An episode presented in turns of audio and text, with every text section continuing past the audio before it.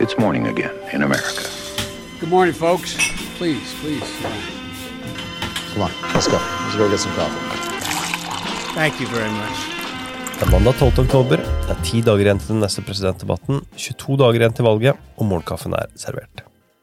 Aller først, som en av de første republikanske kandidatene, så sier nå senator Tom Tillis, som er et jevnt race mot Cal Cunningham i North Carolina, at folk bør stemme på ham for at et republikansk senatsflertall kan være en demper på en president Biden. Det tyder på at Tillis nå tror at Det hvite hus kan være tapt for republikanerne. Og utenriksminister Mike Pompeo sa til Fox News i helgen at han håper å få offentliggjort flere av Hillary Clintons e-poster før valget.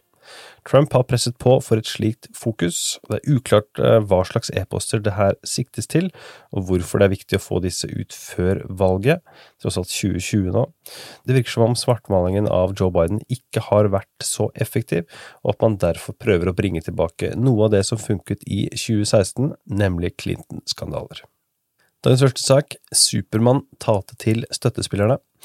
Lørdag holdt Don Trump sitt første arrangement siden han ble utskrevet fra Water Reed-sykehuset tidlig i forrige uke.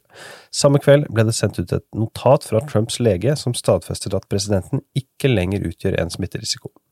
Presidenten talte lørdag fra Truman-balkongen i Det hvite hus til rundt 500 støttespillere som var pakket sammen på området utenfor. Trump talte utypisk kort, og talen klokket inn på under 17 minutter. Han var innom flere politikkområder som han vanligvis nevner i sine valgtaler, men med et ekstra trykk på lov og orden og forholdene for svarte amerikanere. PS. Flere medier melder at Trump, mens han var på sykehuset, snakket med flere personer om muligheten for å ha på seg en Supermann-T-skjorte under den vanlige hvitskjorta når han ble utskrevet, slik at han kunne rive opp skjorta og vise fram Supermann-emblemet som et tegn på styrke. Dagens andre sak, god ledelse for Biden.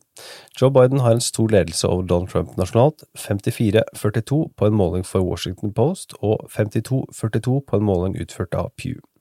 I vippestatene er det ikke store endringer å spore. I Michigan leder Biden med 7, 8 og 11 prosentpoeng på tre ulike målinger publisert i løpet av helgen. Fra Texas er det også kommet tre målinger. Der leder Biden med ett prosentpoeng på to målinger, mens Trump leder 50-45 på en tredje fra University of Texas. I Pennsylvania leder Biden 50-45 i én måling og 49-42 på en annen. I Wisconsin leder Biden med henholdsvis 6 og 10 poeng på de to målingene som er kommet i helgen. På en ny måling fra Ohio leder Trump 47-45 over Biden, og i Georgia leder Trump 48-46.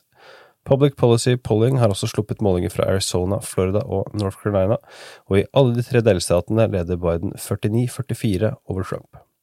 På en måling fra St. Anselm College i New Hampshire leder Biden med hele 12 prosentpoeng, 53-41.